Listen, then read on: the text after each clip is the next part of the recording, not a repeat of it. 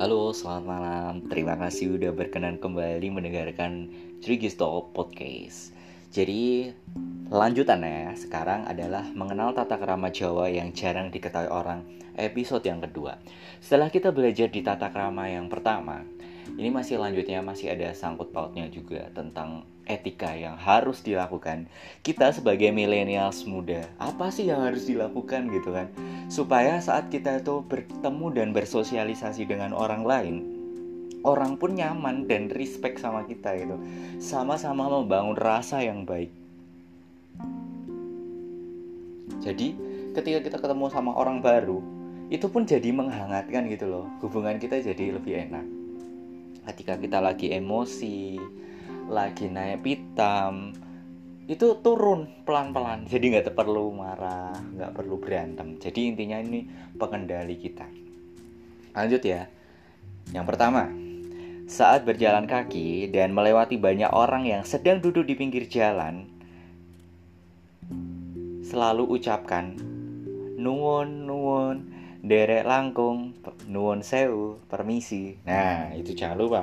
Selain di jalan raya ya ini pokoknya di jalan komplek lah ada yang duduk banyak permisi nuwun nuwun derek langkung itu aja. Sembari membukukan badan. Jalan kaki nih. Lah kalau naik sepeda dan sepeda motor gimana? Boleh kok kita uh, kurangi kecepatan ucapkan sama nuwun nuwun derek langkung nuwun sewu sembali membuka kaca helm dan menundukkan kepala. Jika jalanan yang dilalui sebuah gang sempit dan kita kayaknya rasa-rasanya itu nggak pantas gitu loh kita duduk di atas kendaraan kita turun tuntun kemudian kalau kita mengendarai mobil dan lewat banyak orang di pinggir jalan yang kita lewati. Ini selain jalan raya loh ya. Jangan bunyikan klakson. Kecuali klaksonnya itu pelan banget.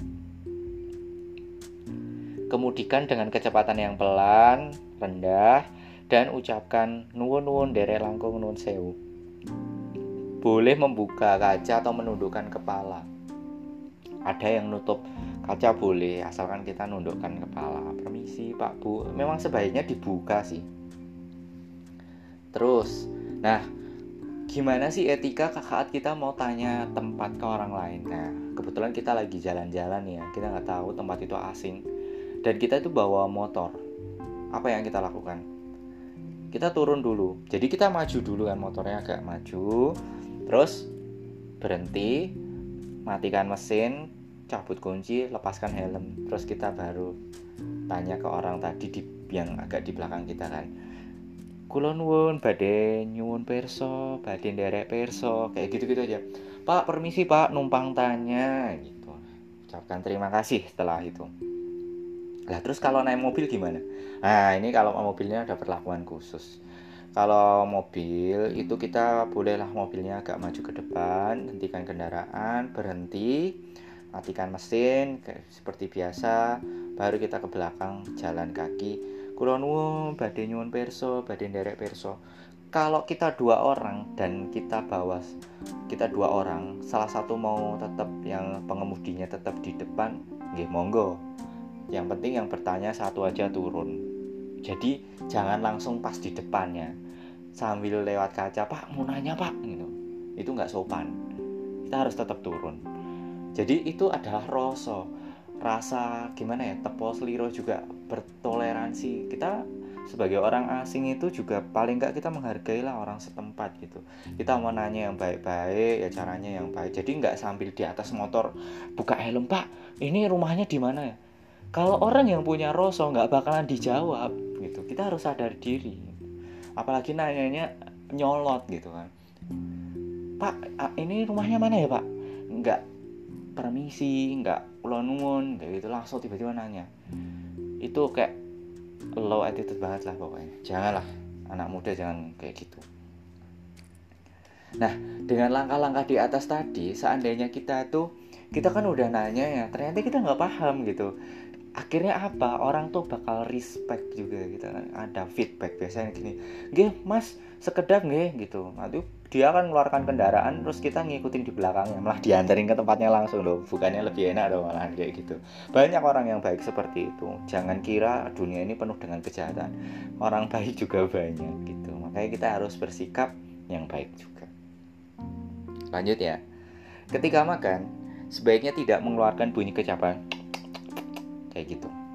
Hindarilah. Terus tidak bersendawa dengan mulut yang terbuka dan kenceng. Keluar dulu. Keluar dari situ. Ketika batuk dan bersin harus segera menjauh memalingkan wajah dan menutupinya. Jadi jangan kita udah di situ kan terus kita nutup semuanya itu bersin. Tapi muka kita masih menghadap orang yang kita ajak bicara. Itu nggak sopan. Memalingkan wajah minimal menghadap ke belakang itu paling urgent. Gitu. terus ketika kita naik mobil terus susunan tatanannya itu kayak gimana ya? Mungkin driver ya sebelah kanan itu ya siapa aja yang jadi driver. Terus pria yang dianggap dituakan atau sesepuh atau yang dihormati duduk di samping pengemudi di sebelah kiri.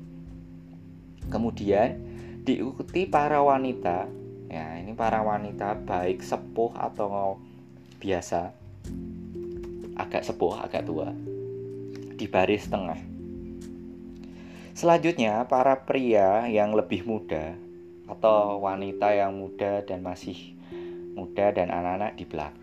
Itu adalah norma kesopanan.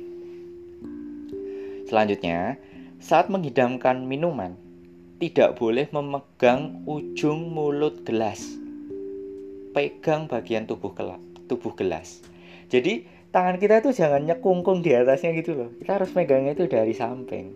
Tubuhnya yang dipegang bukan atasnya. Karena itu buat minum untuk dikecup gitu loh dengan bibir yang akan minum. Itu nggak sopan. Lanjut ya. Saat duduk tidak boleh mengangkat kaki. Apa pun itu nggak boleh pokoknya.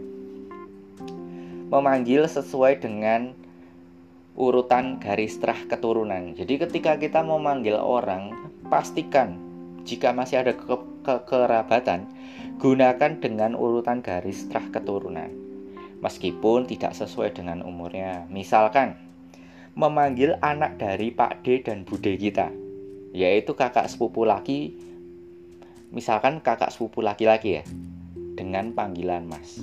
Meskipun usianya lebih muda daripada kita. Contoh nih, saya usianya 20 tahun. Ternyata anak dari Bude atau Pak D kita itu usianya 10 tahun gitu. 10 tahun lebih muda. Dia usianya 10 tahun kan. Nah, secara terah bapak ibu kita itu adiknya bab Bude dan Pak D kan.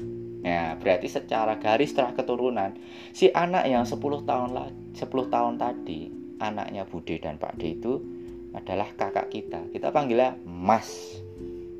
Bukan Raja itu. Terus saat makan dan minum tidak boleh sambil berdiri. Ini yang sangat disayangkan ya ini terlepas dari budaya standing party di masa kini ya tapi kembali lagi sebagai orang yang kita tahu tata kerama Jawa gih kalau makan ya duduk itu minum duduk jadi ketika udah berdiri mau minum ya duduk. Minimal jengkeng lah kalau nggak ada air. Itu adalah norma gitu. Ya memang secara kesehatan ya memang bagus itu makan sambil duduk ya kan. Ya itulah pokoknya. Ya kita tidak perlu menjadi orang yang uh, terlalu strict juga ya. Maksudnya jangan terlalu ini juga. Tapi kita sadar diri aja lah kalau kita mau makan ya duduk minum duduk.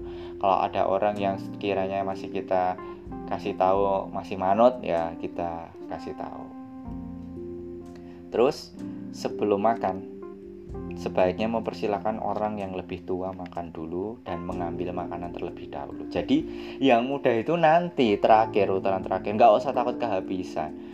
Istilahnya itu kalau serakatan atau makan lebih dulu dengan terburu-buru apalagi kalau di pesta wah anak muda kayaknya wis rakaruan ya ya biam gimana ya budaya itu memang menyesuaikan ya. Tapi memang sebaiknya yang tua-tua dulu kita persilahkan makan baru kita yang muda lanjut. Ya sebaiknya gini. Ada tata kerama saat kita berpergian. Yo nek misale perawan cewek maksudnya wanita belum beri suami yo nggak usah keluar malam-malam. Nggak nggak baik lah gitu terus kalau kita misalkan pergi yo sebaiknya menghindari jam-jam maghrib atau surup. Senja itu pergantian antara siang dan malam itu nggak boleh kita di jalan. Ya kalau udah terlanjur di jalan ya berhenti dulu. Tapi sebaiknya kalau sedang pergantian itu ya memang kita tidak keluar rumah nanti aja atau tidak keluar ke jalanan ya kalau udah terlanjur di jalan ya nggak apa-apa. Tapi kalau mau keluar memulai perjalanan ya sebaiknya nanti saja banyak sih tata kerama yang udah mulai ditinggalkan sama anak muda gitu. Kayak mengucapkan salam gitu-gitu sih. Sederhana tapi kayak udah banyak yang lupa gitu. Terus uh, tata cara nunjuk. Nah misalnya nunjuk itu kan kalau di tata krama Jawa sebaiknya pakai jempol. Monggo. Yo jangan pakai jari telunjuk. Ya nggak sopan. Pakai jari jempol banyak juga yang masih menerapkan aturan gini. Kalau kita misalkan berkunjung ke rumah orang ya sebaiknya itu topi dicopot saat masuk rumah. Itu nggak sopan. Topi helm jaket sandal sepatu jika mau mungkin kan ya dilepas gitu. Banyak sekali tata krama yang sebetulnya masih bisa aku ceritakan juga. Nanti kita sambung lagi di kesempatan selanjutnya. Sebetulnya banyak yang tata krama ini mulai ditinggalkan. Sebenarnya masih bisa bagus untuk dipakai sih.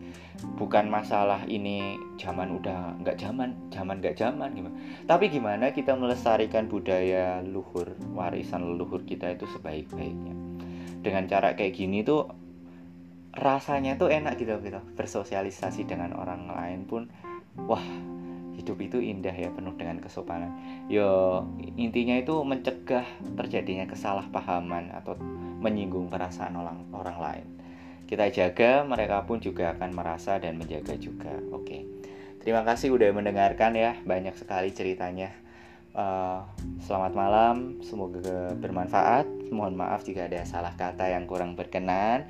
Yang aku sampaikan ini berdasarkan pengalaman dan warisan leluhurku dari Jawa dan Jogja Solo. Selamat malam dan berkah dalam. Matur suwun. thank you